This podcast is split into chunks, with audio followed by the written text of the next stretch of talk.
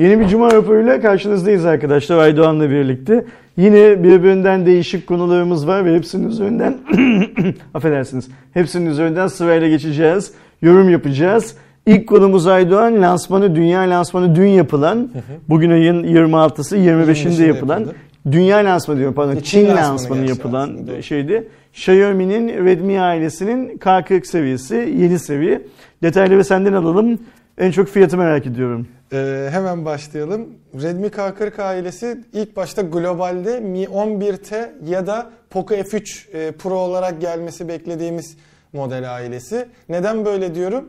Çünkü Redmi K20 ailesi e, Mi 9T olarak gelmişti. K30 ailesi Poco F3 Pro olarak geldi. Öyle bir değişiklik yaptılar. Ama şöyle bir şey var. Xiaomi'nin neye ne isim koyacağını bilmediğimiz için Evet. bunu da globalde kalkıp mesela atıyorum Xiaomi Ersin 1 diye Aynen, bambaşka bir seri olarak yeni, yeni bir seri olarak da çıkartabilir yani. yani çok da şeye güvenmemek Aynen lazım. öyle. Ya Poco olacak ya. T seviyesi olacak filan diye güvenmemek lazım. En, en azından büyük ihtimalle öyle bekliyoruz diyelim. Ee, ama özelliklerine baktığımızda gerçekten hani dolu dolu bir cihaz yapmayı başarmışlar. Övünüyorlar. Hatta, e, ben yayında da dedim yani Xiaomi 2021 yılıyla beraber e, nasıl telefon çıkarması gerektiğini öğrendi diyebileceğim seviyede. Yani Mi 11'de de artık böyle tam manasıyla bir amiral gemisiydi birçok özelliğine baktığımızda. K40'a geldiğimizde 3 farklı model var. K40, K40 Pro ve K40 Pro Plus. Ee, genel ortak özelliklerinden bahsetmek gerekirse 6.67 inçlik AMOLED bir ekran var ve Samsung'un E4 AMOLED'ini kullanıyor. Bu da aslında kendi AMOLED üretimindeki en kalitelilerinden biri ki Mi 11'de de E4 kullanılıyordu. Samsung'un üretimindeki en kalitelilerden birisi. Ee, 120 Hz ek- ekran tazeleme hızı var. Full HD Plus bir çözünürlüğümüz var. 2K sadece yani Mi 11 tarafında kaldı. HDR desteği de mevcut ve e, 196 gram gibi de bir e, hafifliği diyebiliriz. Çünkü artık günümüzdeki telefonlar hep 200 gram üzeri olduğu için önemli bir artı. Bir diğer yandan Snapdragon 870'i konuşmuştuk. 865 Plus'ın da biraz üzerine koyulmuş bir şey. Yani yeni nesil 865 diyebileceğimiz bir e, işlemciydi. K40'da 865 olacak. K40 Pro ve K40 Pro Plus'ta ise 888 e, yer verilmiş. Bir diğer yandan K40'da 48, K40 Pro'da 64, Pro Plus'ta ise 108 megapiksellik bir 865 mi olacak 870 mi olacak? 870 ama yenilenmiş Tamam, 865 tamam. diyebiliriz. Tamam, Yani şimdi. gücü falan arttırılmış. Ee, Pro ve 865 olacak diye, Ha, ben yanlış söylemiştim. dersen öncesinde ne kadar 870 Desem de yenilenmiş 865 yanlış desen de olurum. bu Evet. videonun altında bir yayın şeyi görürüz. Aydoğan 870 diye. Ee, her işi olduğu gibi bu işi de senden daha iyi bilen insanların yorumlarını görürüz. 870 ve 888 olacak. Ee, genel olarak Burada sen şeye geçmeden bir sonraki e, kamera özelliğine geçmeden önce şunu söyleyelim. Şimdi Samsung'dan aldıkları bu AMOLED e, Samsung'un üst düzey cihazlarında kullandığı Evet. AMOLED'in aynısı. E, burada şey çıkacak ortaya, yazılım çıkacak ortaya. Yani Samsung mu daha iyi bir yazılım verecek? Çünkü o iki cihazı elimize aldığımız zaman çok rahat bir parlaklık, ıvır zıvır falan farkı göreceğiz Göreceğiz. büyük bir ihtimalle arada. Birincisi bu. İkincisi bundan iki yıl önce ne olmuştu? Çinli markalar Samsung'u pazardan kovmuşlardı değil mi? Samsung'un Çin'deki pazar payı neredeyse yüzde sıfıra düşmüştü. Ve zaten Samsung da Çin'deki fabrikalarını küstüm gidiyorum diye kapatacağını açıklayıp kapatmıştı fabrikalarını. Şimdi Xiaomi'de geçen dönemde ne gördük? Sensörleri Samsung'dan almaya başladı bazı modellerde. Şimdi ekranı da Samsung'dan Evet. alıyor. Yani Samsung her ne kadar Çin'den çıksa da cep telefonu var markası olarak Çin'i sağmaya devam ediyor. Resmen sağıyor Çin'i. Nasıl sağıyor?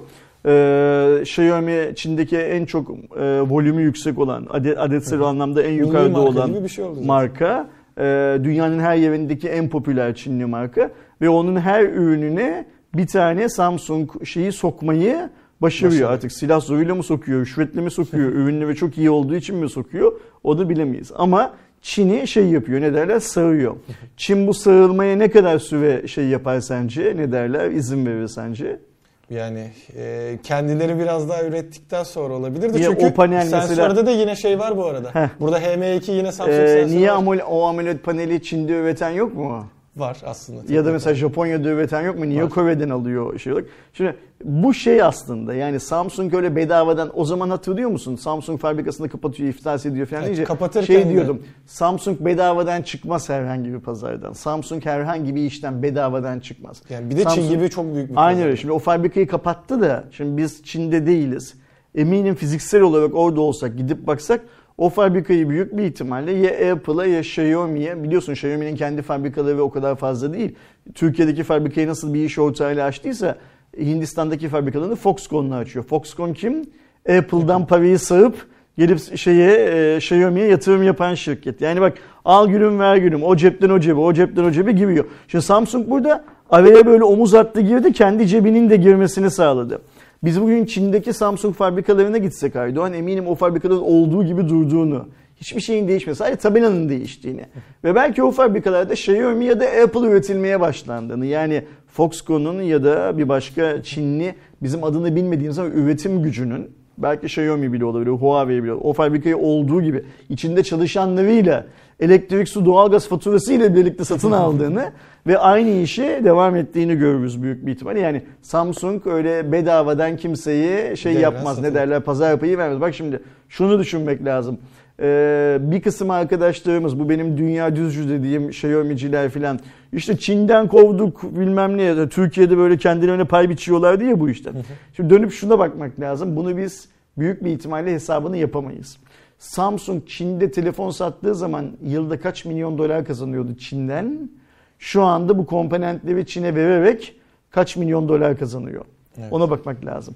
Eminim Samsung'un kazancı çok fazla azalmamıştır. Çok büyük değişim Aynen öyle. Ayrıca e, eğer bu amuleti Xiaomi'ye satıyorsa iki gün sonra bu amuleti Huawei'de satın almak zorunda kalacak. E, Oppo'da niye? Çünkü onlar ekranlarının e, Xiaomi'den daha kötü olmasına İstemezler. İstem- Büyük satıyor da olabilir zaten. Hani hiç Satıyordur da, bilmiyoruz da. e, şey yapacaktır, satacak. Şimdi Huawei kalkıp ben Samsung'dan ekran alıyorum demez zaten. Şimdi Xiaomi bunu söylüyor. Niye? Xiaomi'nin hala gidecek yolu var şey olarak. Yani Samsung hala Xiaomi'nin önündeki büyük engel. Her ne kadar Samsung'dan daha çok satmayı beceriyor olsa filan filan da büyük engel. O yüzden böyle biraz da geniş perspektiften bakmak lazım. Xiaomi kendi ağzıyla ben şu parçayı Samsung'dan aldım, ben bu parçayı Samsung'dan aldım diyor. O bile belki Samsung'la yapılan anlaşmanın bir parçasıdır. Sen bunu söyle ki başkaları da gel gel Yani zaten olsun diye. e, orada E4 AMOLED vurgusunun tek amacı bu olmalı. Hani hem kaliteli Aynen öyle. olduğunu vurgulamak e, hem de orada dediğin gibi bir Samsung'un etmeni fazlasıyla vardır. 4520 mAh batarya ile geliyor 3 modelde ve 33 wattlık hızlı şarj desteği var. E, orada kameralara vesaire baktığımızda tabii ki çok güzel sonuçlar. Hatta bir makro Dört- çekim dört- 4000 gösterdiler. kaç dedin? E, 4520. 4520, Ama şöyle bir durum var. E, ondan da bahsedelim. Orada böyle mantıklı bir kıyaslama yapmışlar. Ya adamlarda artık 120 watt'a kadar şarj desteği var. Niye 33 kullandılar diye düşünenler olabilir. E, 33 wattı e, diğer markaların 55 watt, 66 watt gibi değerlerinden daha efektif bir şekilde dolur. Yani 52 dakika gibi bir sürede doluyor. Ama mesela e, Huawei'nin orada Mate 40 Pro'su ile kıyaslamıştı 66 wattla. O da zaten 40 küsür dakikada 4000 miliamperi dolduruyor. Hani orada oran orantıyla baktığınızda bizim daha stabil gitti, gidiyor diye söylediler. Yani o aslında benim lansmanın o kısmından anladığım şey şu. Biz buna tabii ki e, 33 wattın daha üstünde bir adaptör e, koyabiliriz, verebiliriz, sağlayabiliriz falan ama sağlamamızın fiyatı arttırdığı, arttıracağı kadar sizin bu cihazdan o adaptörle birlikte ya da o özellikle bir satın aldığınızda vereceğiniz paranın karşılığını alamayacaksınız. Çünkü diğer markalar da size bunu vermiyorlar zaten. İkna eden bir şeydi, yöntemdi.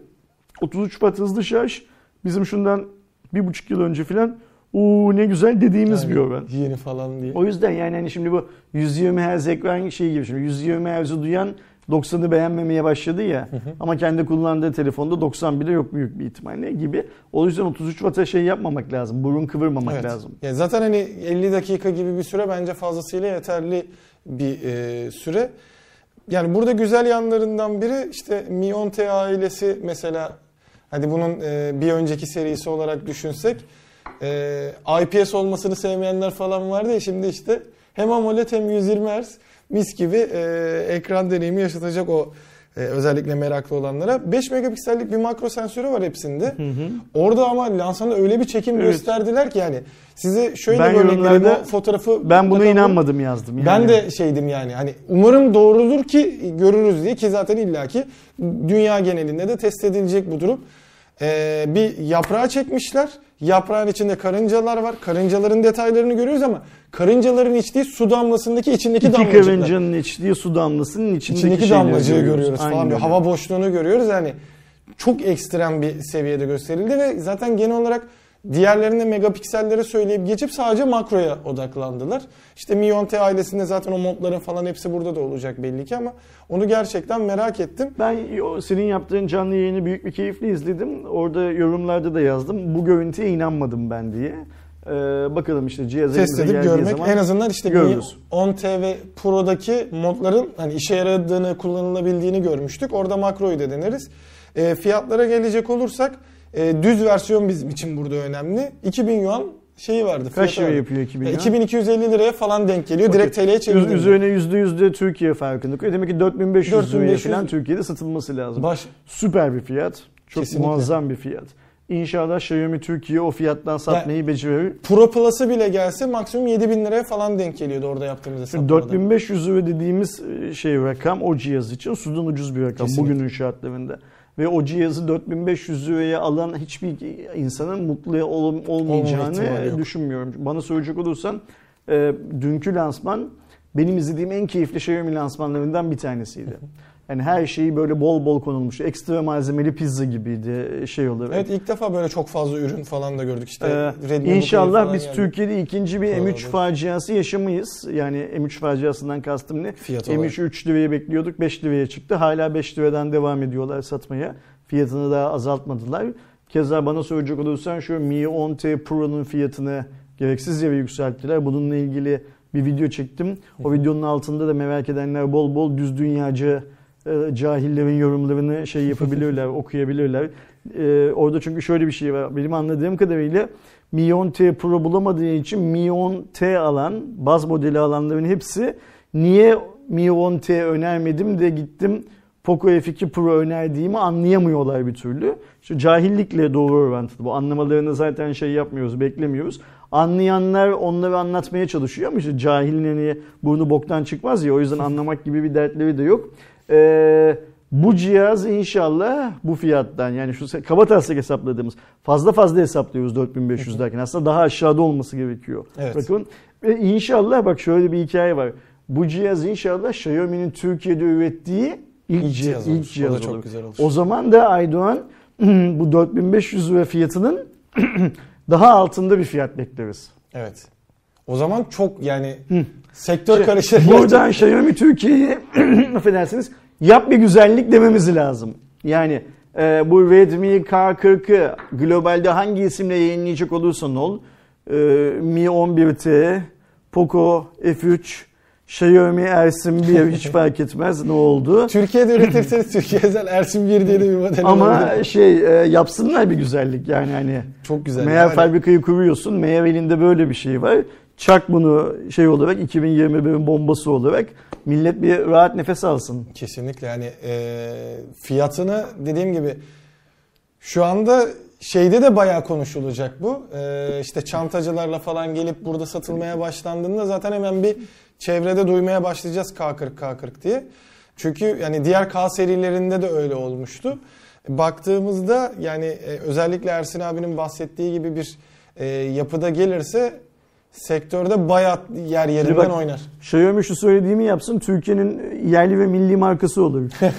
Çok, çok, çok ciddi söylüyorum. Herkesin elinde bir anda şöyle görmeye başlarız. Aynen öyle. yani. Herkesin elinde işte bizim K40 diye bildiğimiz ama adının ne olacağını isimlendiremediğimiz cihazı görürüz. Ve süper de olur. Çok da güzel olur. Çok çok güzel olur. Bakalım nasıl bir şey olacak. Hani Türkiye'ye ne zaman gelecek? Bir de tabii global lansmanını görüp işin dolar kısmındaki fiyatları da bir e, görmek gerekir. Çünkü bazı durumlarda çok nadir de olsa Xiaomi Çin'e özel fiyatlandırmayı Şimdi fazlasıyla eskiden yapıyor. bunu yapmıyordu çok fazla. Yani Çin'deki fiyat neyse onu o günkü dolar kuruna çevirdiğin zaman yani Çin, Globalde de aynı Çin- şey Çin diyor. parasından Amerikan parasına, Çin parasından Avrupa parasına çevirdiğin zaman o rakamı buluyordun. 3 ay 3 hafta sonra da bir ay sonra da lansman yapılsa. Ama son zamanlarda Amerika ve Avrupa için e, yüksek fiyatlar çıkıyor. Evet. Çin'dekinden daha yukarıda Bir fiyatlar çıkıyor. 20-30 dolar ya da 50 dolara varan bir farklılık olabiliyor. Bakalım bunda olacak mı ama onda olduğunda bile yine çok büyük yani şey avantajını çok fazla kaybedebilecek Şey bir model değil Türkiye'de 4500 lira artı 10 dolar satsınlar ben razıyım. gibi. Olur. Yani o doları da millet dolar olarak versin hatta. Yani şey payı, Avrupa payı olarak ve şey gibi. Hani vize alırken, pasaport alırken falan harç Euro ödüyoruz. ile istiyorlar Ş- ş- Xiaomi harcı olarak verelim. Ben razıyım yani öyle bir hikaye varsa. 4500 TL artı 20 euro satsınlar mesela. Her türlü benim için de okey bu arada. Birçok insan da bunu tamamlayacaktır. a- aynen öyle. Yol gösteriyoruz Xiaomi'ye. Sıradaki haberimize geldiğimde yani sonunda aklına gelmiş dediğim bir gelişme. Biliyorsunuz e, Spotify dünya genelinde en çok tercih edilen e, dijital müzik platformu ve e, en çok eleştirilen noktaları da çıktığı günden beri Tidal'ın, Deezer'ın, Amazon'un falan eklemesine rağmen Hi-Fi dediğimiz e, CD kalitesinde ya da kayıpsız ses dediğimiz şeyi sunamamasıydı. Yani MP3 sıkıştır, MP3 dediğimiz sonuçta sıkıştırılmış bir format. Sıkıştırdığın zaman da hafifliyor dosya. Hafiflediği zaman da bazı sesleri kaybediyor. Benzer sesleri tek ses olarak duymaya başlıyorsun. Evet. Ha, bunu, bastırıyor ediyor. bunu kullandığın kulaklıkla duyabiliyor musun? Ya da senin kulağın onu duymaya elverişli mi falan. Bunlar ayrı mevzular. Biz işin teknik kısmından bahsediyoruz. Şimdi artık CD'de ne duyuyorsak o ses kalitesini vermeye başlıyor. Evet. Sonunda Hi-Fi geleceğini e, duyurdular böyle ufak tefek videolarla. Hatta yanlış hatırlamıyorsam Hi-Fi'de e, Billie Eilish'te yaptıkları bir böyle söyleşi gibi şeyde açıklandı. Hi-Fi'nin aslında ne kadar iyi olduğu da hani kaç yıldır sektördesin acaba aklına geldi muhabbeti oluyor. Ama şöyle bir şey olacak onu da söyleyelim. Hali hazırdaki premium üyeliğiniz e, buna dahil olmayacak. Tıpkı Tidal'da tıpkı Deezer'da olduğu gibi Hi-Fi için ayrı bir e, seviyeye yani daha fazla para ödemeniz gerekecek şu anda ödediğinizden. E, şu anda kesin bir e, şey yok. Hani e, ne zaman çıkacağına dair ya da fiyatı ne olacağına dair bir gelişme yok ama en azından yurt dışındaki örneklerine baktığımızda 15-20 dolar arasında değişiyor. Hani Spotify belki sonradan girmenin ya da elindeki kitleyi orada da ekstra tutup Tidal'dan, Deezer'dan, Amazon'dan abone çekmek için biraz daha düşük kullanabilir. Türkiye özel fiyatlandırmayı hep yapıyor. Onu da yapacağını e, görürüz. Tabii buradaki bir diğer önemli kısım da e, bundan sonraki yani Hi-Fi geldiğindeki sonrasında eklenen şarkılar Hi-Fi eklenebilecek ama geri dönütte ne kadarında böyle bir çalışma yapılacak özellikle yerli parçalarda falan göreceğiz ama güzel bir gelişme en azından şey açısından. Yani hi-fi için ekstra para vermeye hazır olan insanlar için güzel bir şey Evet. bu. Hi-fi aldıkları zaman hem te- cep telefonları hem işte atıyorum evlerinde de izliyorlarsa televizyonları nereden şey yapıyorsa dinliyorlarsa o cihazları hi-fi'ye uyumluysa o kaliteyi yansıtabiliyorsa ve tabii ki o cihazlara bağlı kulaklık, hoparlör filan gibi ses üniteleri de bunu destekliyorsa ne mutlu onlara. Onlar versin muradına. Biz çıkalım. Torrent nasıl oluyor bu işler? Torrent'te hangi kalitede nasıl buluyoruz? Filan olaylar. orada da zaten tabii hi-fi'ler bulunabiliyor. Bir diğer yandan e, son 3 son 3 aylık e, geçtiğimiz son 3 ayda da 25 milyon aktif abone kazanmış Spotify. E, toplam sayısı da 345 milyona çıkmış dünya genelinde. Aylık bir dolar kar yazsaydı onu hesaplayalım. Biz Türk'üz. Böyle, böyle şeyleri hesaplarız yani. Ne yapıyor? 1 çarpı 345 milyon, 345 milyon para kazanıyor. Ayda herifler. Ayda. Yani. Oo. biz, biz de açalım hemen. Bir de bunların ailesi şimdi hi-fi olduğunda 20 dolar alacak falan derken Ay. e, on- onda da şey Ersin bir gibi de Ersin İfay gelsin. Biz komple böyle dijitale geçiyoruz.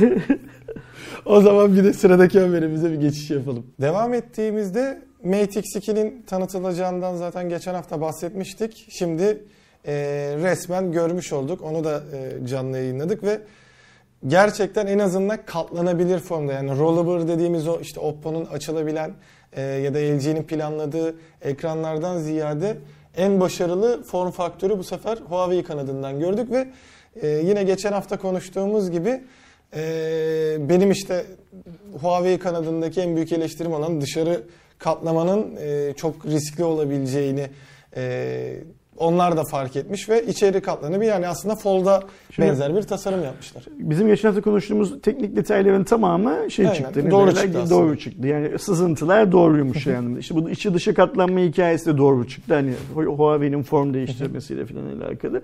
Bilmediğimiz neleri öğrendik biz şeyden, Mesela e, lansmandan. e, içeri katlanabilen cihazlarda e, o tam katlanan kısmında sonuçta bu e, her ne kadar plastik gibi olsa da içinde cam materyaller de olduğu için birebir katlanamayan bir e, şey olduğu için e, ekran olduğu için bir boşluk olurdu ve hatta Fold'da da falan denediler. Oradan kum toz kaçması durumun yaşanabileceğini. Huawei orada o kadar güzel bir mühendislik yapmış ki cihaz tam katlanıyor ama ekran içeride e, şey kalıyor ve orada damla e, dediğimiz bir şey oluyor. Yani ekranda da şu anda paylaşırız demek istediğim daha net iyi anlaşılır. Katlanabilme olayını çok iyi yapmışlar. E, ön ekranda neredeyse çerçeve yok. Yani karşıdan baktığınızda gerçekten normal bir e, cihaz varmış gibi. E, çok ince hale getirmeyi başarmışlar. Hafifletmişler de. Yani e, tarz olarak ya evet Samsung haklıymış deyip ama biz bundan daha iyisini yaparız da demeye getirmişler ve gerçekten şu an e, benim açımdan dört dörtlük bir katlanabilir cihaz olmuş. Fiyatlar belli mi? E, fiyatlara geldiğimde tabi belli. Orada 18 bin ve 19 yuan olarak e, söylendi. Senin açından bunlar da başarılı fiyatlar. E, ona bir şey diyemiyorum tabi. Dolara çevirdiğimizde 2780 dolar gibi bir fiyat oluyor. Yani 2700 dolar fiyatlarla ona da baktığımızda hani 30 bin 40 bin TL arası bir fiyat oluyor Türkiye'de. Türkiye'de XS 30 bin liraya satılmıştı zaten öyle değil mi? 30 muydu? Galiba 40 bine falan gelir 34 bin filandı. Bu o fiyatı da daha yukarıda olacaktır bu. Yani, yani 40 bin liraya. Şey ha bir de güzel yanlarından biri yani en azından Huawei kanadında beni mutlu eden gelişmelerden biri Mate X2 e, Huawei'nin Harmony OS'e geçilebilecek ilk Hı. cihazı olacak. Yani Android ile gelecek. E, Nisan ayında Harmony OS'e geçiş yapabileceksiniz. Bu da demektir ki Nisan'da globalde ya da belki globalde farklı bir tarih açıklarlar. Bu Çin'e özel olabilir yine. Ama Nisan'da Harmony OS'in resmi stable dediğimiz e, sürümünü göreceğiz anlamına geliyor. Demek ki göreceğiz ya da sadece Çin'de göreceğiz. Şimdi ben en başından beri Huawei'nin yapması gereken mantıklı şeyin e, bu cihazları, hala hazırdaki cihazlarını da arzu edilirse Harmony OS'a geçilebilir formda tasarlaması gerektiğini söylüyordum.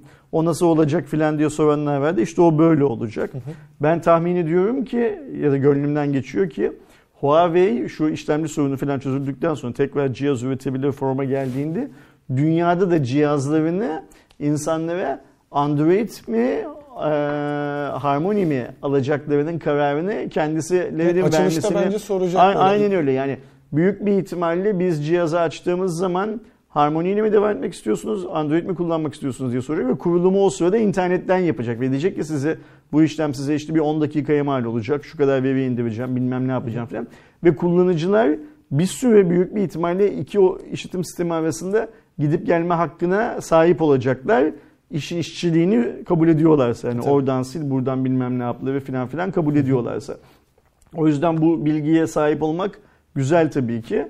Ee, ben mesela şimdiden şeyi merak ediyorum. Mate X2 harmoniye geçilebilir forma geldiği zaman performans değerlerinde ne göreceğiz evet, mesela? Artış yani, mı azalma mı Aynı öyle. Android'deyken alınan skorlarla hemen cihazı sıfırlayıp şeye geçirebiliyorsak, harmoniye geçirebiliyorsak öbür tarafta alacağımız skorların ne olacağını çok merak ediyorum. Ee, adamları çakallık yapma ihtimali var mı acaba diye düşündüm de.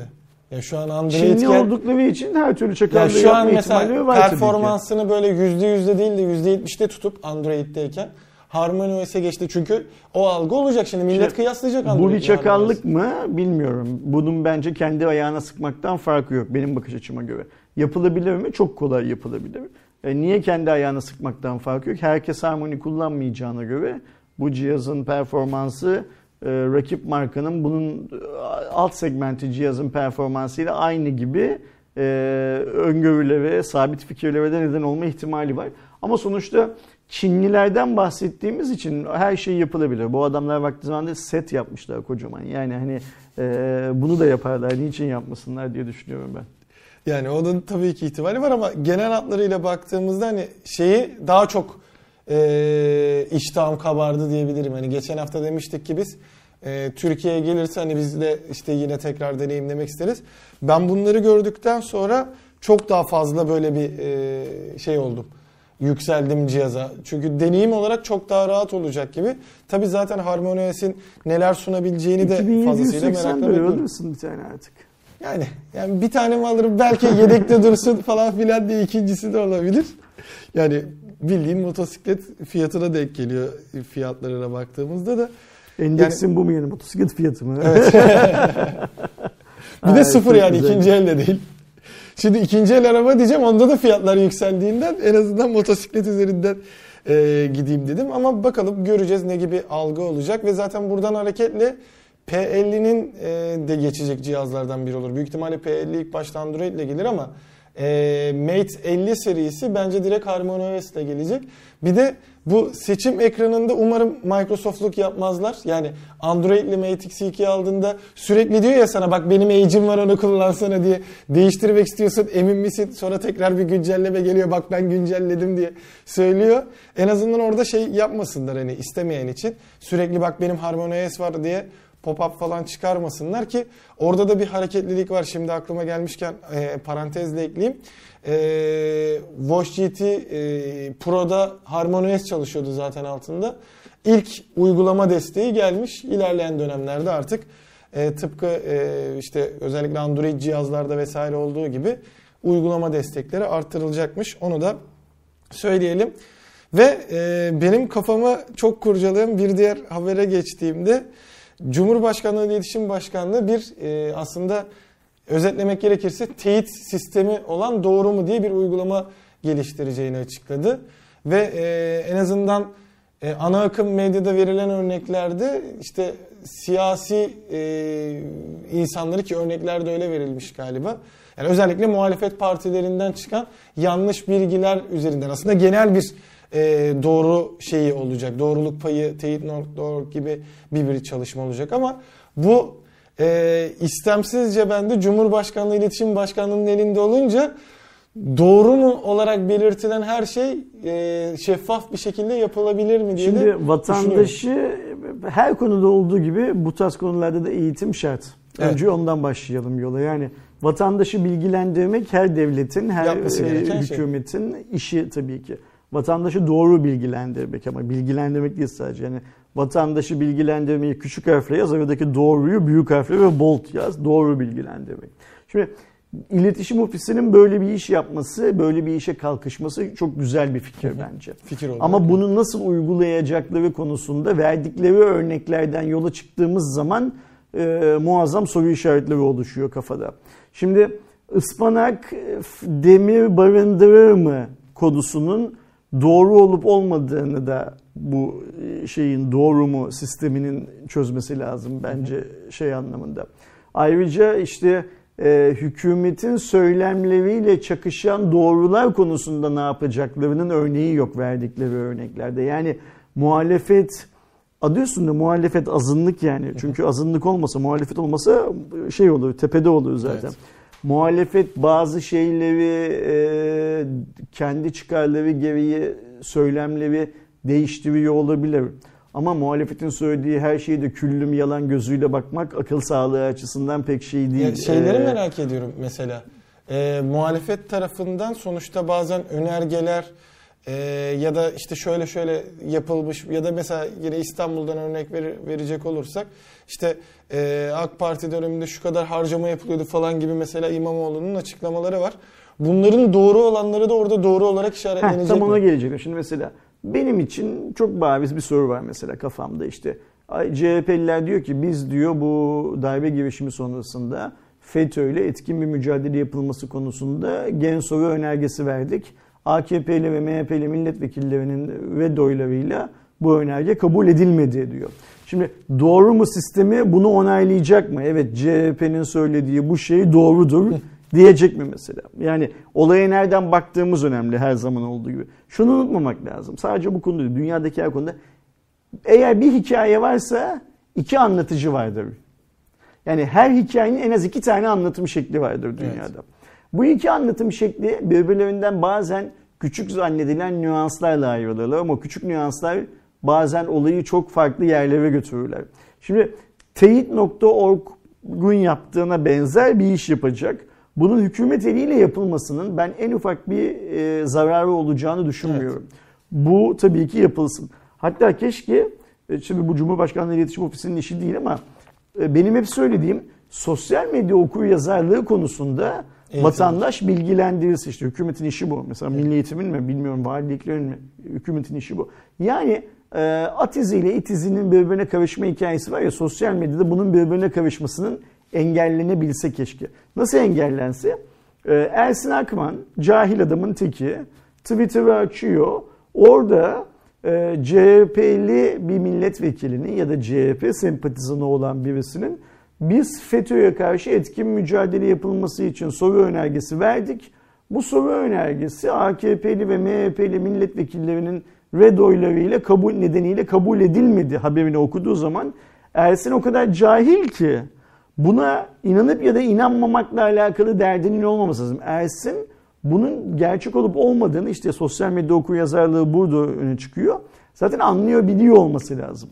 Şimdi sen Ersin'i bunu anlayabilecek seviyede eğitemezsen eğer e, o zaman Ersin'in dönüp bu tarz üçüncü parti uygulamalardan e, destek almasını zor Ersin'i destek almak zorunda bırakırsın.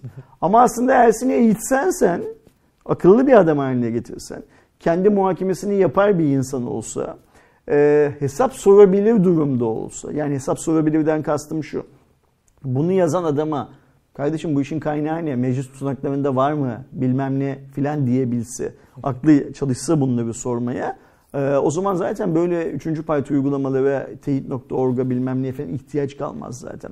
Şimdi mesela teyit.org ne yapıyor şu anda kabataslak? Kütahya'da attım, Kastamonu'da, Trabzon'da, Erzurum'da, İstanbul'da bizim sokakta hiç fark etmez. Birisi köpeğe işkence ettiği zaman bunun gerçek bir fotoğraf olup olmadığını mesela şey yapıyor, yayınlıyor değil mi? Evet. Diyor ki bazen evet diyor gerçek diyor bu Aydoğan denilen şerefsiz bunu yapmış diyor. Ya da hayır bu gerçek değil diyor bu fotoğraf dünyanın başka bir coğrafyasında ya da başka bir zaman diliminde çekilmiş bir fotoğraf diyor. Ee, şimdi bu teyit.org'un işi değil. Bu aslında ne dedik? Erzurum'da, Kütahya'da, İstanbul'da, Beykoz'da bizim sokaktaki belediyenin, valiliğin, bilmem ne emniyet amirinin işi. Onların çıkıp söylemesi lazım. Onlar söylemediği için teyit.org filan gibi sistemle evet. ve insanlar güveniyorlar. Şimdi paketi burada yaptık. İşin doğrusunun ne olduğunu anlattık. Şimdi gelelim bu doğru mu sistemine. Hükümetin, devletin halkı bilgilendirmek adına böyle bir iş yapmasının en ufak bir zararı yok. Evet. Geç bile kalınmış bir iş. Yapmışlar. doğru, evet. İyi de yapmışlar. Helal olsun kim düşündüyse. Fahrettin Altun yönetimindeki ekipten birileri bunu düşünmüş. Şimdi bunu nasıl kullanacaklarına bakmak lazım.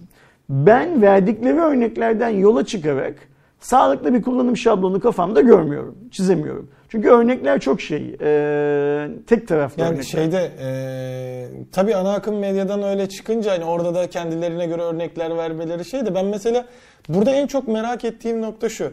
Tabii ki hani halkı yanlış bilgilendirilecek falan filan durumu demiyorum. Hani e, sonuçta Cumhurbaşkanlığı İletişim Ofisi'ndeki işte e, doğruluk payı teyit.org gibi doğru bilgileri şey yapan onlar da orada şey yapmak zorunda kalacaklar. Hani bu bilgi doğrudur, bu bilgi yalandır demeyecekler. Oradaki söylem yalansa doğrusu şudur diye açıklaması lazım ya da doğruysa evet şurada şu paylaşılmış Ama olmuş daha gibi. net bir örnek vereyim. İşte milli güreşçinin e, banka yönetim kurulunda görevlendirildiği haberinin doğru olup olmadığını onaylayacak mı bu sistem? En önemli esas dert bu bence. E, yani biz bu tarz şeyleri hani işte farklı siyasi görüşlerdeki e, atışmaları ya da söylentileri duyarız. Bazılarının işte okur yazarlı olan doğru, doğrultabiliyor. Olmayanlar hani sadece biliyor ya da böyleymiş diyerek devam ediyor ya. Bunu en fazla biz seçim dönemlerinde görüyoruz. Yani Şöyle e, seçim dönemlerinde artık partiler kendilerini pazarlamaya başladığında zaten hani bu AK Partisi, CHP'si, MHP'si, İyi Partisi falan hiçbir fark etmez. Sallarlar. Hani bir de birbirlerine sallamaya bir, başlarlar. Bu, Onlar şöyle yapmıştı, bu, bu böyle konudaki en açık adam Binali Yıldırım'da İstanbul Büyükşehir Belediye Başkanlığı adaylığı döneminde daha önce de söyledim. Geçen hafta galiba konuştum bunu. E, galiba. Ee, seçim öncesi bunlar konuşulur. Seçim sonrasında da bu vaatler verilir. Evet. Seçim sonrasında bunların hiçbirisi yapılmaz diyebildi adam. Yani süper. Aynen. Hani o dönemdeki işte en kritik dönemde seçim döneminde bu sistemler nasıl çalışacak? Verilen vaatler, birbirlerine yapılan suçlamalar. Hadi vaatlerin doğruluğunu bilemezsin de orada şey oluyor işte. Ee, o dönemde şöyle oldu ya da e, şu an için mesela e, Sayın Cumhurbaşkanı işte son e, bilmem kaç yıldır şu kadar geliştik, şöyle olduk durumları oluyor.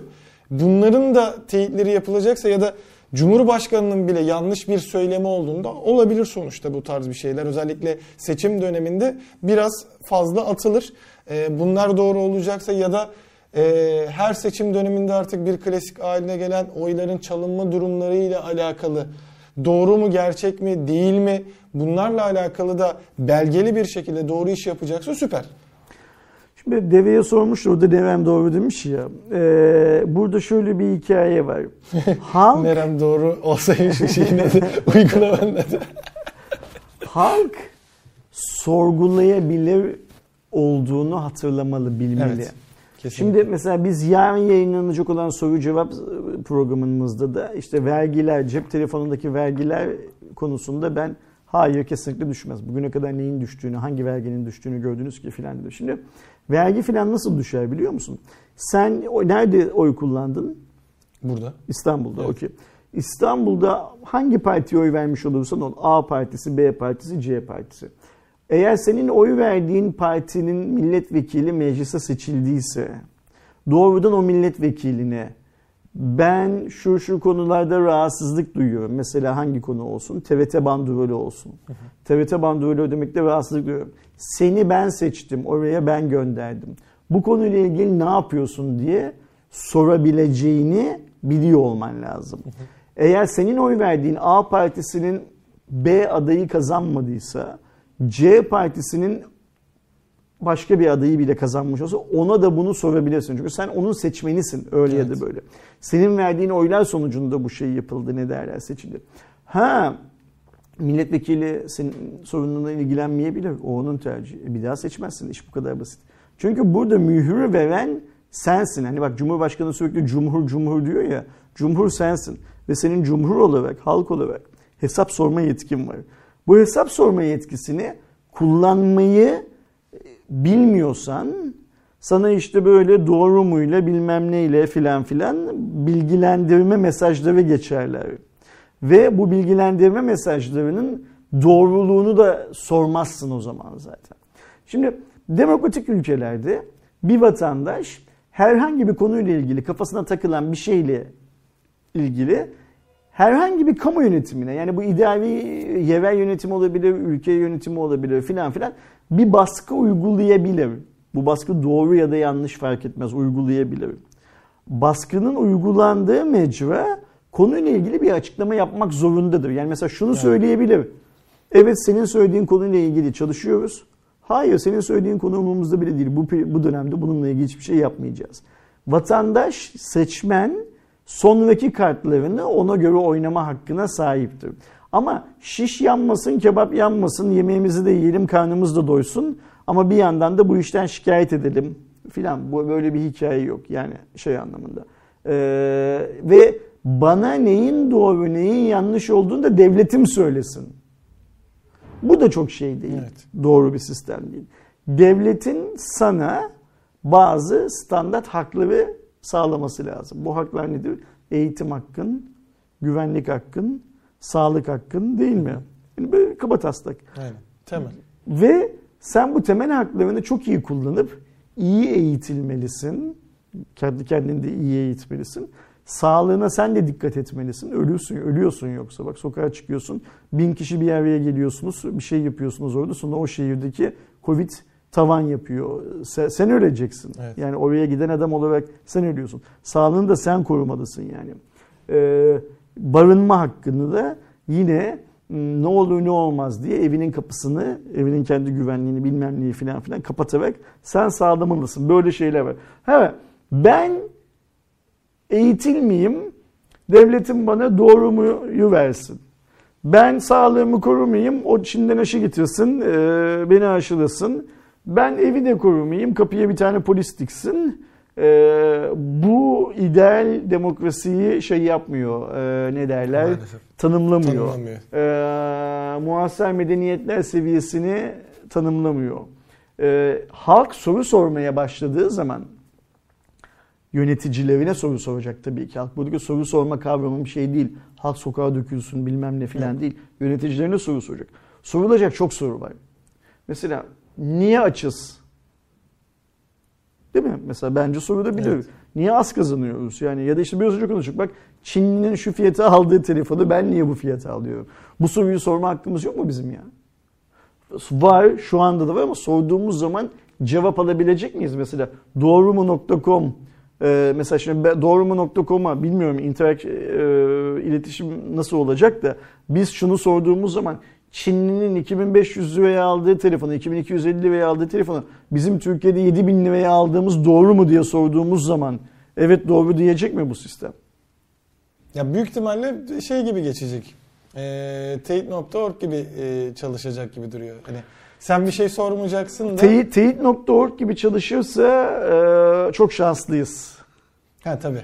Teyit.org gibi çalışırsa çok şanslıyız. Ben Teyit.org'u kim yapıyor, nasıl yapıyor falan bilmiyorum. Takip de etmiyorum. Ama timeline'ıma düşüyor ister istemez.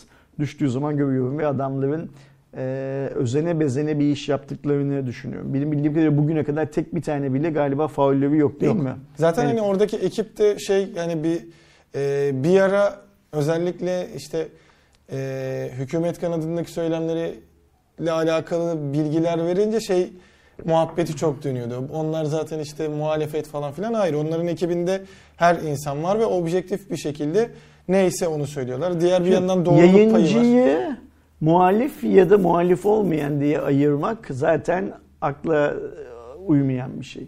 Yayıncı muhalife olmak zorunda. Yani muhalif olmayan adam yayıncılık zor yapar, yapamaz. Dünyanın her yerinde bu böyledir. Şunu söylesem bile ben bugünkü iktidarın yaptığı her şeyi kafadan onaylıyorum. Ben bugünkü iktidarın iktidarda olması için elimden gelen her şeyi yaparım. Hangi ülke olursa olsun. Tamamen yüzde yüzlük bir bağımlılık göstersen bile haber yaparken, yayın yaparken o perspektiften bu yayını yapamazsın. Bu mümkün değil. Dünyada yok mu örnekleri? Var tabii ki. Yani her ülkede özellikle demokrasisi az gelişmiş olan ülkelerde iktidara yakın yayın yapan, hatta iktidarın söylediği şeyleri abartarak veren e, bir yığın medya platformu var. Yani gazeteler var, web siteleri var, radyolar var, var oğlu var. Sen varsın ben varım. Yani kişisel insanlar da var. Bu yeni düzenli hayatımıza giren influencerlar falan arasında da var bunlar. Ama şunu unutmamak lazım. Yayıncı temel anlamda muhalif olmak zorunda. Bu sadece hükümete karşı da değil. Yani mesela bugün şuna da muhalif olmak zorunda yayıncı. Mesela atıyorum ülkenin en büyük, en küçük, en bilinen, en az bilinen nesi mesela bankası.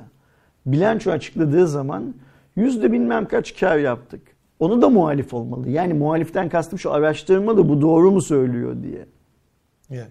Ona gelen basın bültenini oradan kopyala yapıştır web sitesine, gazeteye koymak habercilik değil çünkü. Onu yapan botlar var artık, robotlar var. Orada haberciye, insana, düşünen bir organizmaya ihtiyacımız yok orada.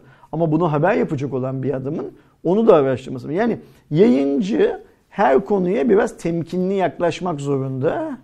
Temkinli yaklaşmıyorsa bak yine söylüyorum kendisi aksini düşünse bile yayın yaparken temkinli yaklaşmak zorunda. Ha şu şey sorun değildir mesela. Biraz önceki örneğe dedim. O A bankasının açıklamasını A bankasının genel müdürüyle röportaj yaparsın. CEO'su o der ki mesela bültende ne yazıyor? Yüzde bin kar ettik. O da yüzde bin kar ettik diyebilir yaptığın röportaj. Çünkü o zaman sen röportajı yapan olarak onun doğru ya da yalan söylediğine kefil olmazsın zaten. Doğru. Ancak şöyle bir şey var. İkinci bir soru olarak ya nasıl yüzde bin kar ettiniz? Benim elimde şöyle şöyle datalar var. Bu datalarla sizin söyledikleriniz çok şey yapmıyor, örtüşmüyor. Bana bir de şuradan anlatsanıza ben de konuyu anlatayım diye sorma hakkı her yayıncının vardır. Eğer röportaj kabul edildiyse ve bu röportaj kabul edilmeden önce bazı sözler verilmediyse karşılıklı her yayıncının vardır. Onu sorup sormamak da yayıncıyı bağlar. Soran adama daha güvenilir yayıncı gözüyle bakılır. Dünyada böyle bakılır. Sormayan adama da e, bu adam ne derece yayıncı gözüyle bakılır. O yüzden televizyona çıkan herkes mesela haberci değildir. Onlar hep kendilerini haberci olarak filan şey yapıyorlar ya. Mesela ben şeye çok şaşırıyorum şu günlerde. Televizyonlarda böyle bir yığın hanım, hanım ablamız var ya. Biz haberciler olarak bilmem ne filan modu yapıyorlar. Mesela onların hiçbirisi benim bildiğim kadar haberci filan değiller. Bir kere bile haber için sokağa çıktıklarını ben görmedim mesela. Onların çoğunun şimdi adam yoksunluğundan metinleri kendileri yazıyorlar da geçmişte o metinler de onların ellerine e, yazılı olarak veriliyordu zaten. Şimdi işte medyadaki erozyon nedeniyle oturup kendileri falan yazıyor olabilirler. Bir de mesela bunun duyar kasanları var. Yaptıkları her programda işte hayvan haklarına, kadın haklarına, şuraya buraya falan duyar kasıp ekrandan parmak sallayanları falan var. İyidir sallasınlar. Ben şey değilim sallamalarına karşı değilim ama habercilik o demek değil. Yani mesela biz haberci. Abi ablacığım sen haberci falan değilsin. Abicim sen de haberci falan değilsin. O haberi habercilik öyle olmuyordu zaten. Geçmişte de öyle olmuyordu. Senin pozisyondaki adam da o değildi. Şimdi oradan yola çıkalım. Bu hani doğru muyla da bu işler çok olmuyor. Ee, bize şu anda gösterildiği haliyle. Ha eğer bize gösterilen halinde bir hata varsa zaten büyük bir ihtimalle e, İletişim Ofisi Başkanı Fahrettin Altun bugün yarın sosyal medyayı çok iyi kullanıyor Twitter'ı. E, size o gösterilenler bu doğru mu ile ilgili çünkü gösteren kendisi değil. Gösterilenler doğru mu ile ilgili doğru değil. Biz şöyle şöyle örneklerden yola çıkarak ne yapacağımızı anlatırız diye yapmak, e, anlatmak, halka bilgi vermek boynunun borcu olmalı zaten Kesinlikle. kendisinin. İnşallah o konuda da ya daha doğru mu başlamadan doğru mu'nun yansıtıldığı gibi bir şey mi olacağını yansıtıldığından farklı bir şey mi olacağının konusundaki Doğru, doğrulamayı inşallah e, Fahrettin Bey doğrular. Biz de neyin ne olduğunu birinci elden öğreniriz. Umarım. O zaman devam edelim. Biliyorsunuz geçtiğimiz hafta Xiaomi'nin kablosuz ya da böyle artık havadan şarj teknolojisinden bahsetmiştik. Mobil Dünya Kongresi Şangay'da Oppo da kendi havadan şarj teknolojisinden e, dem vurdu. E, havadan şarjın burada 7.5 Watt'a kadar çıkabiliyormuş ve 10 santimetre çevrede e, olabileceği e, söyleniyor. Hani 10 santimetre Xiaomi'nin planladığına göre çok daha yakın tabii şey olarak hani. 10 santim yani şarj ünitesinin olduğu yere 10 santim yaklaşman gerekiyor değil mi? Evet. Ondan sonra şarja başlıyor yani. Okey ge- geçelim bu haberi daha çok konuşmayalım. yani hani bu kadar. aynen öyle yani bu hani çok havadan bir şarj yöntemi bu yani hani hiç üzerine şey yapmaya gerek Oppo biraz daha çalışsın dersini. Oppo dersinde çalıştıktan sonra biz de konuyla ilgili en şey yapalım. En azından hepsinin çalışma yapabildiğini de görmüş oluyoruz. Tabii hani e, ama şöyle bir farklılık var bu arada bahsedilmesi gereken.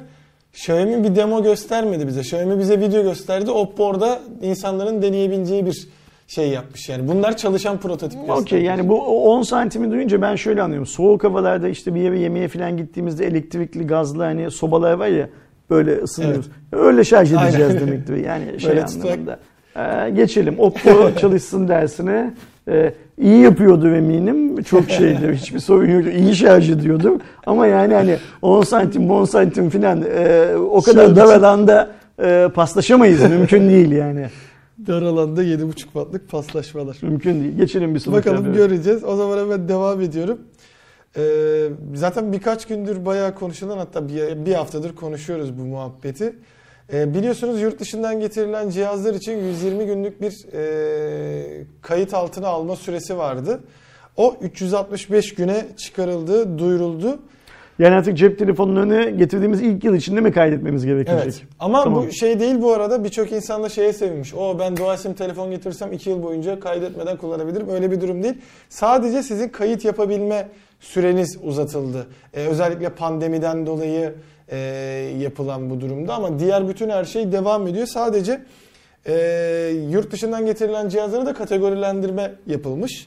Siyah, gri ve beyaz olarak. Siyah listede kaçak kayıp çalıntı elektronik kimlisi bilgisi değiştirilmiş ya da başka cihazlara kopyalanmış, e, bertaraf ve ihraç edildiği kuruma bildirilmiş. Uluslararası daimi ve dolaşımı hizmet aldığı kurum ve kayıtlarda yer almadığı halde ülkemiz sınırları içerisinde kullanılıyor. Yani bildiğin aslında e-mail çakılmış kaçak telefonlar siyah listede olacak. Bir de bu siyah listeyi öyle bir tanımlamış ya sanki o e-mail çakma işini falan yurt dışında yapıyorlarmış gibi. Evet öyle çakılıp da gelmiş gibi falan. Yani burada biraz daha şey muhabbetini evrilecek gibi. Hani bu aslında buradan ziyade 365 gün konuşulmuş da hani e-mail çakma olayları da artık ee, biraz daha ya bu... O yetki zaten BTK'ya verildi bundan bir yıl, bir buçuk yıl önce. BTK Şimdi... o yetkiyi uygulamıyor. Yani Hı. çakılmış e-mailleri kapatmıyor aslında. Çünkü Kapatması... sen bazen baktığında değiştirilmiş diye zaten sana uyarıyor. Aynen öyle. Kapatması için de BTK'ya birçok e, STK, meslek örgütü ve e, cep telefonu şirketleri baskı uyguluyorlar. E, BTK er ya da geç bir gün yasanın kendisine verdiği işi yapacak. Kapatacak yani. Evet. Nasıl kapatacak? Tek seferde bütün hepsini mi silecek? peyderpeyi mi silecek ne yapacak onu bilmiyoruz. Bence orada ceza da başlayacak. Oradan şey yapmadan olmaz. Ceza en büyük ceza o e-mail silmesi zaten adamın telefonu Yok, bir bir de ona para cezası verecek. Yani kanun gereği bildiğim kadarıyla böyle bir hakkı da var BTK'nın. Uygula uygulamaz bilmiyoruz. Çünkü BTK'nın neyi niçin yaptığını bazen şey yapmak, algılamak pek mümkün değil. Kesinlikle. Hani bir şeyde devam ettiğimde gri listede aslında şöyle söyleyeyim. Beyaz liste herhangi bir usulsüzlük olmayan e-mail kayıtlı e, cihazlar. Gri listede bu her ikisine de girmeyen e, ama burada da şey diyebiliriz. Özellikle bu e, yolcu beraberinde değil de turist beraberinde getirme var. Geçici kayıt yapıyorsun.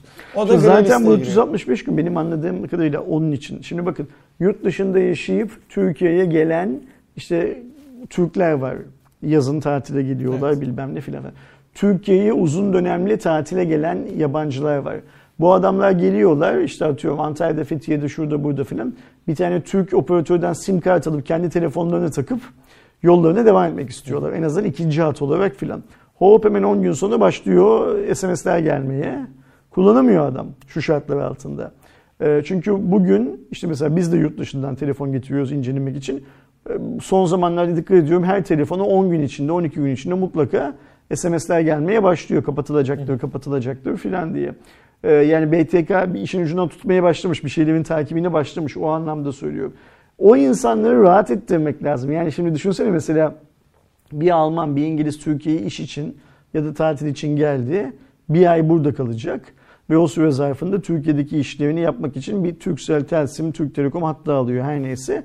Onu kullanmasını engelliyorduk aslında Evet. kanunla. Şimdi bu 365 gün aslında onun biraz şeyi engellenmemesi için alınmış bir karar bence.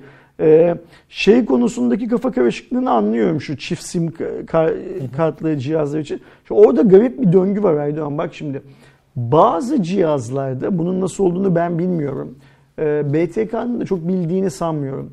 Bazı cihazlarda bir simi kaydettirdiğin zaman diğer sim de kaydedilmiş oluyor. Bazı cihazlarda olmuyor. Ee, bazı cihazlarda bu sevinenler haklı. Bir sim kapandıktan sonra öbür sime takıyorsun. Çalışmaya devam ediyor. Bazılarında etmiyor. Yani şimdi senin çalışmaya devam eden bir telefonun varsa evet bir yıl onu kullanırsın. Kapanır ikinci yıl onu kullanırsın. Ee, Senin bileceğin şey e, ne yapıp ne edeceğin konusunda. Ama ortada muazzam bir kafa karışıklığı var ve burada şöyle bir şey de yok. Mesela Xiaomi'ninkiler kapanır, Apple'ınkiler kapanmaz. O şu markanın şu telefonu kapanıyor, bu markanın bu telefonu kapanmıyor gibi bir genel kıstas da yok.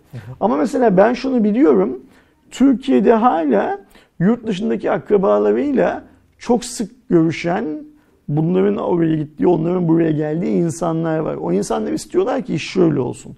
Mesela şimdi Aydoğan'ın Almanya'da akrabası var. Nitekim var senin zaten değil mi?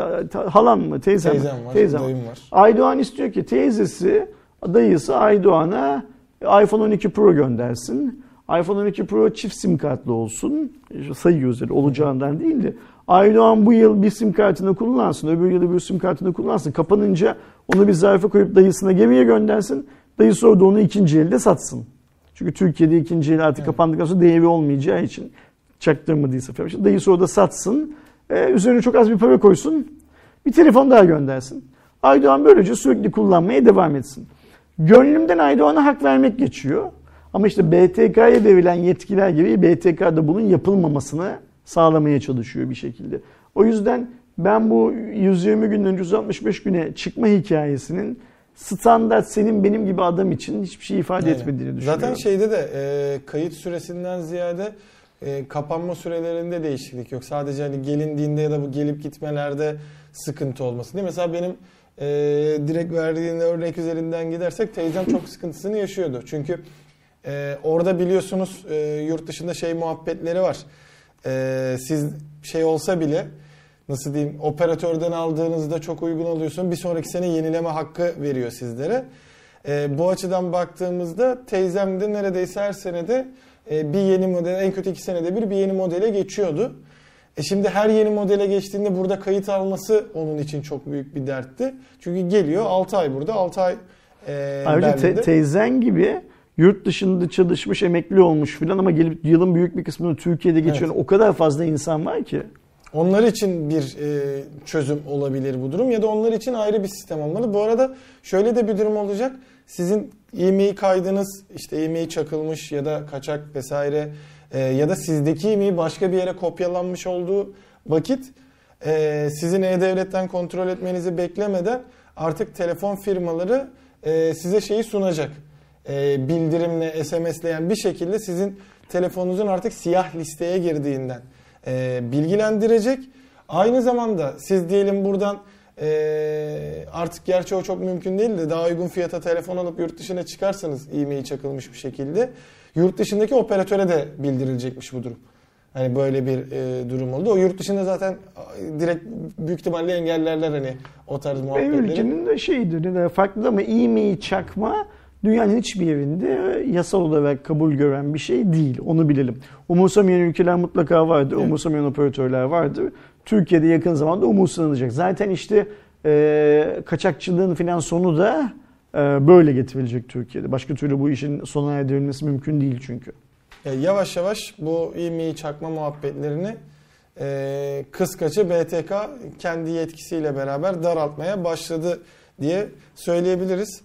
E, sıradaki haberimizde yine e, bu sefer internetle alakalı e, sevgili Bakan Kara İsmailoğlu'nun e, verdiği bazı değerler vardı.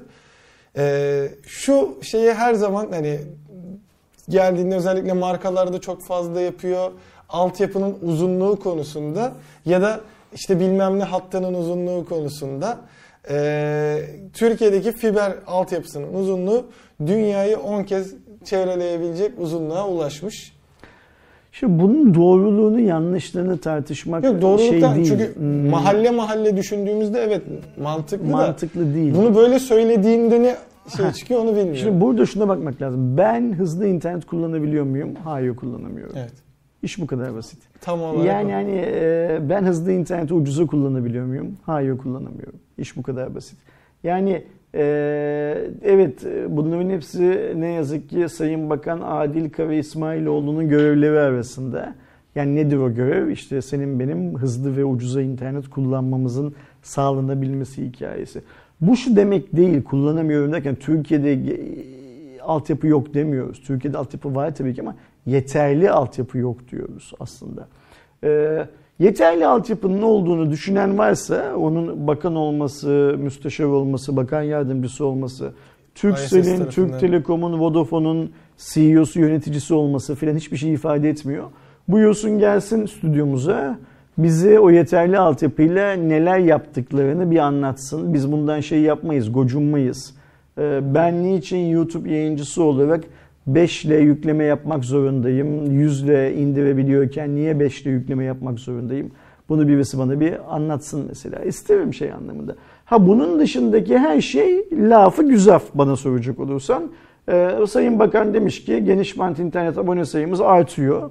Daha çok artsın işte. Biz de onu söylüyoruz. Zaten Sayın Bakan'ın karşısında mesela, e, durmuyoruz. O diyor ki artıyor. Ya ne olur diyoruz daha çok artsın. Evet hani e, geniş bant internet kullanıcı sayısı evet artıyor özellikle pandemi nedeniyle. Evde internet kullanmayı çok tercih etmeyen insanlar da bu süreçte illaki bağlatmıştır. E, ama mesela hangi ortalamayla şey yapıyoruz? Mesela aşağıda şey bilgisi verilmiş e, Sayın Bakan tarafından. İşte 1 Nisan 2016'da mobil cihazlarda internet hızını 10 kat arttıran 4.5G teknolojisine geçildiğini işaret etmiş. E, 75.9 milyonluk bir 4.5G abonemiz vardır. Ve bunun toplam e, mobil abone sayılarının %92'den fazlası artık 4.5G'ye geçiş yapmış. İlk başta 100 megabitken 400 megabiti zorluyormuşuz 4.5G'de. Şimdi bu Kal- hızlar tabii ki güzel de burada ortalama hız de mesela. Bir de onu şey yapmak lazım. Yani Yüksek hep en yükseğini söyleyerek bir şey yapıyoruz. 75.9 milyon 4.5G kullanıcısı ortalama hangi hızla internete bağlanıyorlar? Bu bilginin Sayın Bakan'da olması lazım. Yoksa ba- Sayın Bakan'ı eksik bilgilendirmişler demektir. Ayrıca geniş bant dediğimiz şey sadece 4.5G değil. Şimdi bak Wikipedia'ya girsin arkadaşlar broadband geniş bandın tanımına baksınlar. O tanım artık günümüzde çok yeterli bir tanım değil. Çünkü dial-up zamanında yapılmış bir tanımdan bahsediyoruz. 1 megabit de geniş bant. Aynen öyle yani hani artık günün şartlarına göre geniş bant tanımının da değişmesi lazım. Değişmeyeceğini varsayalım. Yani tanım bir kere yapılmış ona tüm dünyanın riayet edeceğini varsayalım. Bununla ilgili hiçbir sorunum yok. Ancak oradaki geniş bant tanımının ne kadarını, hızların ne kadarını biz Türkiye'de alıyoruz? Ona da bir bakmak lazım şey anlamında. Ee, abone sayımız artıyor. Artıyor. Mesela ben biliyorum ki bazı insanlar 4.5G abonesi olmalarına rağmen e, 3G'de kullanıyorlar şeylerini, e, telefonlarını. Evet. Çünkü benim olduğum bölgede 3G 4.5G'den daha hızlı diyorlar mesela. İşte bunların hepsine bakmak lazım. Ben geniş banttan, Sayın Bakan sanırım sadece 4.5G'yi anlıyor. Ben geniş banttan sadece 4.5G'yi anlamıyorum. Ben geniş banttan kablo, indoor interneti de, uydu interneti de, ADSL'i de bak fibere geçmeden, ADSL'i de, fiberi de geniş bant internet olarak algılıyorum. Ve diyorum ki niye ADSL, fiber, kablonet, uydunet bu kadar pahalı ve niye bunlar bu kadar yavaş? Yavaş. Yani zaten asıl e, odaklanılması gereken o mesela dediğim gibi 400 megabit'e dayandı. Benim açımdan doğru. En azından ben kendim hani e, akıllı telefonları vesaire test ederken dışarıda bir şey için speed test falan yapmam gerektiğinde evet 300'leri falan gördüğüm oluyor. E, bu konuda haklı. Ama işte niye e, yani bakan bile e, en yüksek seviyeden şey. O zaman biz de şeyde geniş bant internette gigabit hızlarına çıkabiliyoruz.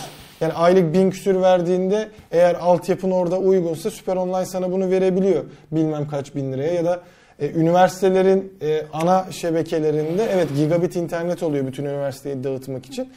Ama hani e, o zaman bizde de şu an 1 gigabit internet var diye etrafa şey yapabiliriz. Ya da 4.5G'ye ilk geçtiğimiz dönemlerde dünyanın en hızlı 4.5G hızı bizde diyorlardı. Evet çünkü adamlar e, şeydi pardon 3G'de yapılıyordu bu. Çünkü adamlar 4G'ye geçmişti. Şimdi 400 megabit'e ulaşmışız. Bu biraz daha artacaktır bu yakın dönemde. Biri illaki diyecektir e, şeyden operatörlerden biri deyip dünyanın en hızlı e, 4.5G hızını biz sunuyoruz diyecektir. Çünkü dünya 5G'ye geçiyor. Hani bunun gibi şeyler yerine Şimdi şöyle bir şey var. İnternete bağlanmak bir lüks mü? Değil. Ee, bir- Artık şey bence o biraz önce saydığımız bir, haklardan ha, biri. bir vatandaşlık hakkı mı? Şimdi buna bakmak lazım. Dünyanın birçok ülkesinde bunun bir hak olduğu varsayılıyor.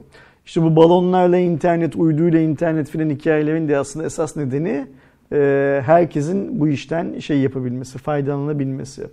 E, tabii ki orada Facebook'un filan bunu yapmasının esas nedeni daha çok insan Facebook'a bağlansın muhabbetleri de var. Şey yapamayız, e, unutamayız bunu ama internet artık e, birçok insan için ekmek gibi, su gibi e, bir gereklilik ve bunun ucuz olması lazım. Su gibi kolay içilebilir, ekmek gibi yendiği zaman da insana keyif veren bir formda. Yani nedir? Kolay, hızlı ve ucuz olması gerekiyor.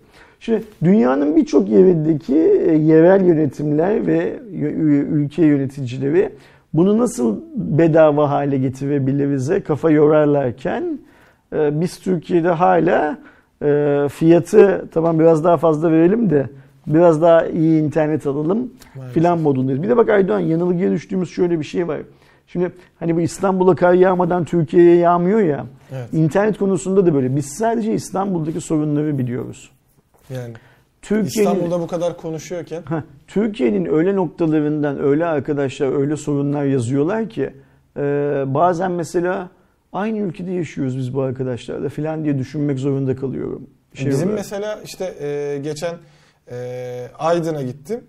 Yani Aydın'daki ev internetini fiber yapamıyoruz. Altyapı yok ve Aydın'ın en merkezi yerindeyiz bu arada. Yani e, her yere şu an çok yakın yeni o e, bayağı şeyi yapılan e, internette meme olup goy goy yapılan altın binadan iki adım uzaktayız. Yani belediye Büyükşehir Belediyesi binasının yakınındayız. Ve orada ben işte parasını verip fiber alacağım dediğinde Yok kardeşim diyor orada ben sana maksimum 16 megabit verebilirim diyor. Bakır kablo var sadece diyor. Çok güzel bir yere değindin. Şu maksimumlardan da artık vazgeçmemiz lazım. 16 megabit'e kadar. Yok abi öyle bir şey. 16 meg. Bak şimdi mesela benim adada kullandığım internet 14'e kadar hesapta. Geçen gün seninle ekran görüntüsü paylaştım. Dial-up bağlansam daha hızlı Evet, onun muhabbetini Şimdi yaptık. Türk Telekom'a sorduğun zaman bunu ya ben 14 megabit'e kadar e siz 14 megabit'e kadar alıyorsunuz zaten diyor haklı olarak. Yani 0.5 megabit de versen Ha, 14 e, megabit'e şey kadar işte. ne derler e, aldığımızı gördün işte ağlarsın yani hani upload yok neredeyse yok. Upload olmaması da arkadaşlar diyecek mi sen de e, ya adadaki evden video yükleme. Arkadaşlar upload sadece yük- video bir web sitesine girdiğiniz zaman da request'inizi, isteğinizi bir istek paketiyle o web sitesine göndermeniz lazım. Çok küçük bir paket. Yani ben hvp.com.tr'ye gireceğim diye göndermeniz lazım. O da bir upload mesela. Yani internetin web sitesinin hızlı gelmesi için senden de ona bir komutun gitmesi lazım. Öyle anlatıyorum. Öyle anlatayım en basit haliyle. Şimdi Şu sayfayı aç. Aynen öyle. Ha, şu sayfayı aç komutunun gitmesi lazım. O komut gitmiyor. Sen ışık hızıyla indirsen bir şey ifade etmiyor o komut gitmedikten sonra. İşte geçen cuma pazar geçen pazardı değil mi? Seninle konuştuk, yazıştık WhatsApp'tan. Aydoğan'la e, bir zoom yapmamız lazım. E, benim ma- makine bağlanmıyor zoom'a falan. Ekran speed test yaptım Aydoğan'a gönderdim. Duruyordu işte senin şeyinde WhatsApp'ta o görüntü. E, yok yani ada İstanbul'a çok uzak değil. Bak bir de Türkiye'nin daha çok uzak yerleri var şey olarak. İstanbul'un çok daha uzak ilçeleri falan var şey olarak. O yüzden yani bu kader tarifesinin vazgeçilmesi lazım. Mesela bakanlığın demesi lazım ki kader ve madara boş verin arkadaşlar. Ne hizmet veriyorsan onun parasını alacaksın. Hep diyorum ya bunun megabitinin fiyatının belli olması lazım. Yani böyle paketler sınırsız filan bunların hepsi yalan dolan. Megabit fiyatı belli olacak. Senin kaç download'unun fiyatı belli olacak. Ona göre paket yapacak Aslında ISP'ler. o çok güzel bir sistem. E, alo dediğin şeyin dakikasının fiyatı belli olacak. Turkcell'liye alo diyorsan kaç lira, Türk Telekom'liye alo diyorsan kaç lira. Paketler buna göre yapılacak. Megabit'e Yani- göre olsa mesela diyelim şöyle e, megabit'i 1 lira, 1 lira diyelim örnek veriyorum. Sen 100 megabit bir paket aldın. Ha, 100 lira okey. ödüyorsun. E, aydaki ortalamanda 50'yi geçemedin mi? 50 o zaman lira sana ödüyor. 50 lira verecek. Aynen kardeşim. öyle. Şimdi e, fiyatları belirleyen kamu yönetimi bunu yaparsa şirketler, kim o şirketler? Turkcell, Türk, Türk Telekom, Telekom, Vodafone değil mi? Büyük olanlar ve küçük olanlar var. O zaman ona göre hareket etmek zorunda kalırlar. E, ve bu vatandaşın lehine olur. Ki zaten hani bu e-kadar muhabbeti de oradan kıvrılmak için geldi. Normalde Aynen sen öyle. Ya millet şey diyordu işte ben 16 megabit parası veriyorum 5 bile alamıyorum. Evet hani şeydeki sıkıntıyı anlıyorum. Evet ADSL'de işte panoya uzaklık, oradaki kablonun şeyi yani eee, konuda bilinçli olmadığında normalde senin o sırada modemin şişmiştir. Kapatıp aşağı açsan çözülsen sorunu e, ISS'lere şey bak, yapanlar da var. Burada, tamam, burada, ayrı. burada nasıl düşünüyorum biliyor musun? Şimdi arkadaşlarımız arasında ben yaşlarda olanlar hatırlarlar.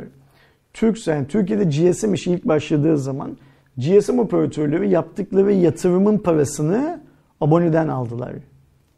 Bu hiç doğru bir yöntem değil. Yani ben niçin kullandığım GSM operatörünün yaptığı yatırımın maliyetini karşılamak zorundayım ki? Adam Sen bana bir ödersin Aynen sadece. adam bana hizmet veriyor. Hizmetin parasını ödüyor. Şimdi bugün e, diyorsun ya ADSL'de böyle sonra. Tamam abi çıkartın ADSL'i hayatımızdan. Mesela deyin ki mesela ki Kahramanmaraşlılara deyin ki biz Kahramanmaraş'a fiber getirebiliriz. Bunu kim söylesin? Turkcell söylesin, Türk Telekom söylesin, Vodafone söylesin. Bizim Kahramanmaraş'a fiber getirmemizin maliyeti şu kadar milyon dolar. Bu maliyeti abonelerin faturalarına şu süreyle yansıtmamızı kabul ediyorsanız fiberi getirelim deyin. Bir abone kabul etmez, beş abone kabul eder, tam tersi olur. Ona göre maliyet tekrar hesaplanır. Adam kabul ediyorsa şirket bu yatırımı yapar. Şirket bu yatırımı yaptığı zaman devlet ona belli oranlarda destek olur. işini kolaylaştırır. Nasıl kolaylaştırır?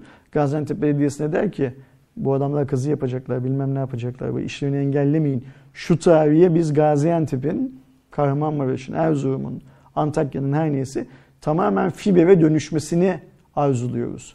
Siz de belediye olarak Bu Türk Telekom'a, Vodafone'a diye ve kimse yardımcı olacaksınız arkadaşlar bu konuda der. İş çözülür. O zaman vatandaş elinin altına, taşın altına elini sokar. Vatandaş şunu bilir. Ya ben Kahramanmaraş'ta oturuyorum. İlk fiber alan adamlardan birisi olacağım. Ve bir süre e, 400 liradan pahalı olmayan fatura ödeyeceğim. Ama benim bu ödediğim faturanın içinde altyapı payı var. Altyapı payı bittikten sonra da artık ADSL'e, şey fibere bilmem kaç zaman hiç para ödemeyeceğim. Öyle değil mi? Yaptığımız anlaşma böyle şeyle. Ne derler şirketle. Tamam ben ve benim gibi 1 milyon tane hane biz 400 liralı bir ayda ödemeyi kabul ediyoruz. Bu altyapı gelsin bu ülkeye, şehre. Yapılsın altyapımız. Biz bir yıl boyunca bu 400 liraları ödeyelim. 1 milyon haneyiz az buz değil. Hepimiz ödeyeceğiz. Söz verdik. E, Cayasak da paramız yansın filan filan. Hani bu taahhüt hikayesinde olduğu gibi. E, bir yıl sonra da bu işi altyapıyı bize kim sunacak? Turkcell mi, Türk Telekom mu, Vodafone mu desin ki Gaziantep'teki altyapıyı çöz, sorununu çözdük. Artık hepiniz fibersiniz. Siz 4800 lira para ödediniz hane başı, e, fatura başı, abonelik başı sistemi. E, normalde ödemeniz gereken para 1500 liraydı. 3 yıl boyunca siz herhangi bir para ödemeyeceksiniz. Biz size aynı hizmeti vereceğiz. Getirdiğimiz hizmet sayesinde sizden başka hanelere de ulaşacağız. Onlara da 150 liradan vereceğiz. Bütün şehir böylece fibere kavuşmuş olacak. Şimdi bunu sen Turkcell'e, Türk Telekom'a, Vodafone'a bırakırsan onlar bu işi yapmazlar. Çünkü onlar herkesten sürekli 400 lira almak isterler. Herkesten sürekli 500 lira almak isterler. Ama eğer ülkenin imkanları bütün ülkeye fiber götürmeye yetmiyorsa, devletin gücü buna yetmiyorsa böyle yaptıracaksın. Ha, Turkcell, Türk Telekom, Vodafone yapmıyorlar mı? Tamam abi o zaman aç dışarıdaki operatörleri bu işi. Ben eminim Dünya, Doçe Telekom'du, atıyorum Ürdün Telekom'du, bilmem ne Telekom'du filan. Biz gelelim Gaziantep'i e, fiberleyelim diyeceklerdir büyük bir ihtimalle. Büyük ihtimalle. E, tam Türk, Türksel yapmıyorsa, Türk Telekom yapmıyorsa o yapsın. Vatandaşın hizmet almasını e, Türk Telekom'un şu anda bu işi yapacak parası yok. Türkcell'in şu anda bunu bir şey yapacak parası yok diye ertelemek iş değil. Hizmeti getirmek lazım. Ayrıca ben eminim e, bu operatörlerin üçü de canlı listesi. Yaparlar. Canlı listesinden kastım e, fiber işte geniş bant internet sayımız artıyor diyen Sayın Bakan bunların üçünün de CEO'larını çağırıp sopayı gösterse öyle ister canlı Başka türlü istemez. O sopayı görseler Aa, hemen biz yapıyoruz derler. Ayrıca şunu da unutmayalım. E, Binali Yıldırım'ın Ulaştırma Bakanlığı döneminde çizilen bir sistem var. Türkiye'nin fiber yol haritası. O yol haritasının çok gerisindeyiz. Evet. Hatta yani duraksama... Bunu unutmayalım. Aynen öyle. Neredeyse birkaç yıldan beri orada bir arpa boyu yol alamıyoruz. 4.5G'ye geçmemize rağmen bir arpa boyu. Yani 4.5G'ye geçmemizin amacı neydi? İşte baz istasyonu fiberden alacaklardı ya şey interneti. Ona rağmen yol alamıyoruz. Söylemeye çalıştığım şey şu değil. Ee, AKP hükümeti bir şey yapmadı demiyorum. Bak yaptı Binali Başkan. Her şeyi yaptı. Sistemi kurdu.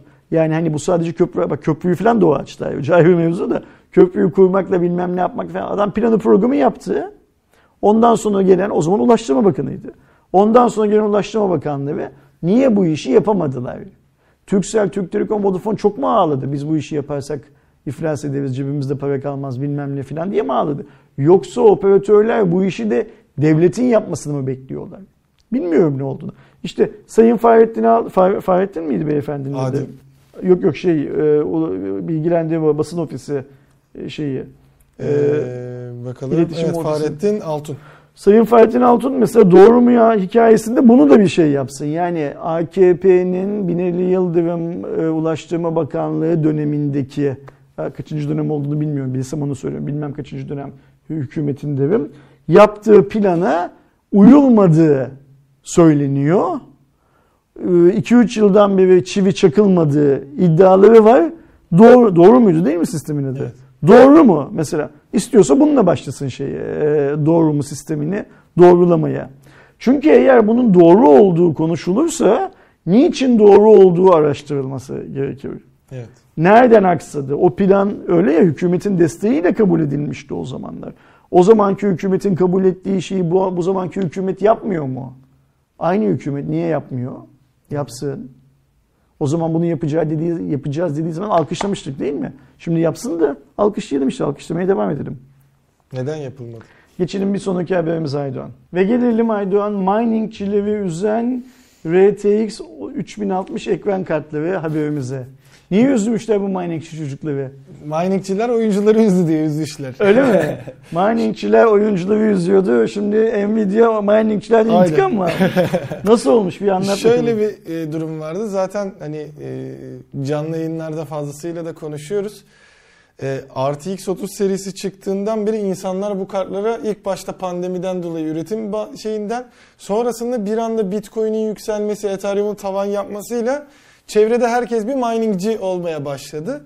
Bunun üzerine e, tabii ki RTX 30 serisi ekran kartları şu anda teknik olarak en güçlü ekran kartları olduğu için daha fazla hash değeri almak adına herkes bunlara şey yapıyordu. Hatta dünyanın her yerinde e, ön siparişte satışa çıkmadan bile e, toplu alımlar yapılıp piyasaya sürülmemesi bile durumları oldu. Türkiye'de de benzer şeyleri gördük. RTX 3060 da e, dün itibariyle satışa çıktı ve e, satışa çıkmasıyla beraber tabii ki miningcilerin de ilgisini çekiyordu ki Nvidia öncesinden e, açıklamasını yaparak e, bu kartların hash değerlerinin %50 bilinçli bir şekilde düşürüldüğünü söyledi. Bunun amacı oyuncuların da kartlara erişebilir olmasını sağlamak. Soru e, 3000 seviyesinin diğer şeylerinde, üyelerinde böyle bir hash değeri düşüklüğü ol- var mı? Yok. Yok okey yani Üretimde yapılan bir şey bu anladığım kadarıyla. Yani Nvidia diyor ki aslında e, şu dar boğazı aşmak için, fiyatların yukarıda kalmasını engellemek için filan 3060'ı diyor sadece oyuncular alsın. Siz miningçilere alıyorsunuz. Burada hash değerinizin düşük olacağını bilerek alın. Bunu bilen miningçi almaz zaten. Yani yola çıkıyor. Böylece bu işte ürün bulunamıyor. Dün 3000 liraya aldığım ekran kartına bugün 10 bin lira veriyorlar. Bilmem ne filan hikayeleri bir ortadan kalksın. Oyun oynayan çocuklar yani bizim çocuklar Nvidia'nın gözünde aslında bir oyun oynayan çocuklar Nvidia'nın çocukları ya. Bizim çocuklar daha rahat şey yapsınlar. Ekran kartı bulsunlar diyor. Ve 3060'ın da fiyatları öyle Bitcoin'le birlikte yükselmesin. Bitcoin'le beraber düşmesin, Düşmesin. diyorlar. İşin özü bu değil mi tam olarak? Temel olarak bu Mine edenler 3000 seviyesinin diğer ürünlerine yönlen, yönlenmeye devam edecekler. Ee, bu süreçte büyük ihtimalle öyle olacak. Çünkü şey açıklaması da geldi. Ee, Cryptocurrency Mining Processor diye bir işlemci geliştiriyorlar CPM. Ve buna özel ekran kartları çıkaracaklarını da duyurdular. Yani amacı mine etmek olan kartlar Okey, çıkacak. süper. Bunu şimdiye kadar niye yapmadı diye düşündüğümde satıyordu. Eşekliğinden yapmış. Zaten satıyordu yani sonuçta hani e, bir Nvidia için tabii ki oyunculara erişmek önemli bir avantajı onun ama hani adam e, kapasitesi 1 milyonken 1 milyonunu anında satabiliyorsa hani buna niye engel olsun? Anca büyük ihtimal hem geliştirme belki eş değeri daha yüksek olsun falan. Ne zaman diye. çıkacağı konusunda bir bilgi var mı? Bu kripto kö, Ee, kripto ikinci çeyrek. mining Yani bu yıl bu yılın ikinci, ikinci çeyrek. Yaz aylarında görürüz. ikinci çeyrek dediğimiz şey e, Nisan, Mayıs, Haziran. Aynen. Yani, Okey tamam anlaştık. Yani ben, yani bence öyle- bir sorun yok. Bence ben de çok şeyim, mantıklı. Ne derler? Büyük ihtimalle şöyle bir şey olacak. 3060 serisi dediğin gibi oyunculara bırakılan bir kart olacak. Ee, hash değeri yüksek kartlar geldiğinde de 3070 3080 de e, oyuncuların şeyine kalmış olacak. Çünkü büyük ihtimalle orada e, fiyat performansı çok gözetmeden core performansa odaklanacakları kartlar gelecek. Yani tahminimce şeyi etkisi yapar mı onu ilerleyen dönemde göreceğiz. Yani yeni partide 3070 ve 3080'de de bunu yaparsa daha mantıklı olur. Çünkü çıkaracağı hash değeri yüksek olan kartın tahminimce fiyatı da daha yüksek olacaktır. Bir de orada büyük bir tane bir kart yani 3000 seviyesine kıyaslasın o, o cryptocurrency için ayarladığı bir kart bu tarafta 3000 seviyesindeki bir buçuk karta falan denk düşecek performans olarak yani kazım performansı olarak hash değeri, hash değeri olarak ona denk düşecek. Fiyat da o oranda yukarıda olacak. Yani şeye gibi. geçmesin diye yani adam ya ben o kadar vereceğime bundan memnundum bundan devam edeyim deyip onu etkilemek için belki Çünkü 3070 bugüne kadar 3080 alanlar yani partileri. 3060 dışındakileri alanlar minerlardan bahsediyor. Onlar zaten kullanmaya devam edecek. Onların bir derdi olmayacak. Aynen. Onlarda bir hash değeri kısıtlaması falan duyurmuyor Nvidia zaten. Ama bugünden sonra alacak olanlar büyük bir ihtimalle e, hash değeri yüksek diye 3000 seviyesinden bir şey almaktansa daha yüksek hash değerini o cryptocurrency kartlarda alacakları için ona yönelecekler ya da en azından Nvidia'nın beklentisi bu yönde olacak. Böylece Hatta- pazarı ayrıştıracak. Yani Ee, oyuncular şunu alacaklar, minerlar bunu alacaklar diye şey de olmayacak. Ee, bu kartla 10.000 saat e, mine edilmiştir. O yüzden ben e, bilmem ne oynayamam ıvır zıvır falan gibi de dertler ortadan kalkacak. Aynen. Zaten şöyle de bir durum varmış. Bu arada o kısmı atlamışım. İlk kartlar Mart ayında çıkıyormuş hemen önümüzdeki ay. Hani üst seviyeleri e, daha iyi kazım yapanları e, ikinci çeyrekte geliyormuş. Bir de e, o güzel detayı buraya yazmama rağmen gözümden kaçmış. E, güç tüketimi de düşürülüyor. Yani elektrik faturasına da en azından Heh. orada bir katkı olacak. Çünkü tek işi o olacağı için mining içi için. geri kalan şeyleri e, core, ya prosesörlere ya da işlemleri yapmayacağı için sadece mine ederken kendisi daha uygun, daha düşük bir e, voltaj seviyesiyle bunu yapabilecek. Tek Süper. işi olacağı için. Çok güzel. Sevdim ben bu işi. Ee, son haberimize geldiğimizde ise Twitter'dan bir böyle e, normalde biz şey beklerken, gerçi onun da söylentisi vardı zaten denemeleri yapıldı. E, farklı farklı platformlara rakit olmasını beklerken Twitch'teki abonelik, e, YouTube'daki katıl ya da e, diğer bu e, platformlardaki Patreon vesaire gibi platformlara benzer bir süper takip olayı geliyor arkadaşlar. Nedir bu? Aslında dediğim gibi YouTube'un katıl Twitch'in abonelik sistemine benzer.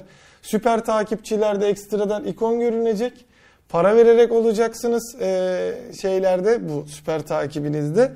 E, bir diğer yandan size özel içerikler vesaire de gösterilebileceği bir sistemi deniyor. Şu anda 5 dolar karşılığında yapılıyormuş. 4.99. Evet 4.90. 1 sent sonuçta şimdi 1 sent bizde Amer- iyi kuruş ediyor. Aa, Amerika'da başlamış mı bu şu anda? Şu test olarak başlamış yani daha genel kullanım değil. Bir de Facebook'taki grup sistemini de e, getirmeyi planlıyor Twitter.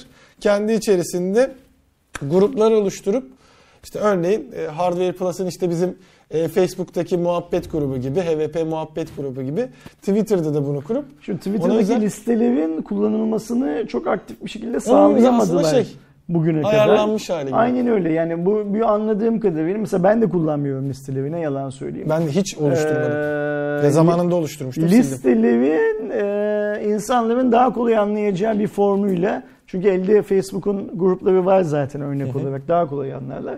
O forma geçiriyorlar. Bu bence güzel bir hareket. Yani ilki konusunda güzel mi çirkin mi ben yorum yapmayayım. Ama bu ikincisi güzel bir hareket. Platformun daha efektif kullanılmasını şey yapabilir, sağlayabilir. Yani ben şey şeyi merak uyar mı ediyorum. onu göreceğiz. Süper takiple birlikte süper sessize al da şey yapacak mı? Ne derler ortaya çıkacak. Benim çünkü Twitter'da en çok kullandığım düğme sessize al düğmesi Kumut. Çok rahat ediyorum böyle sessize aldıkça. Ee, süper sessize al da çıkacak mı onu görüyorum. Yani şey olarak bakalım nasıl bir algı olacak. Hani buradaki amaç işte yine birebir e, takip ettiğin, sevdiğin insana şey yapabilme, destek olabilme ya da bir topluluğa.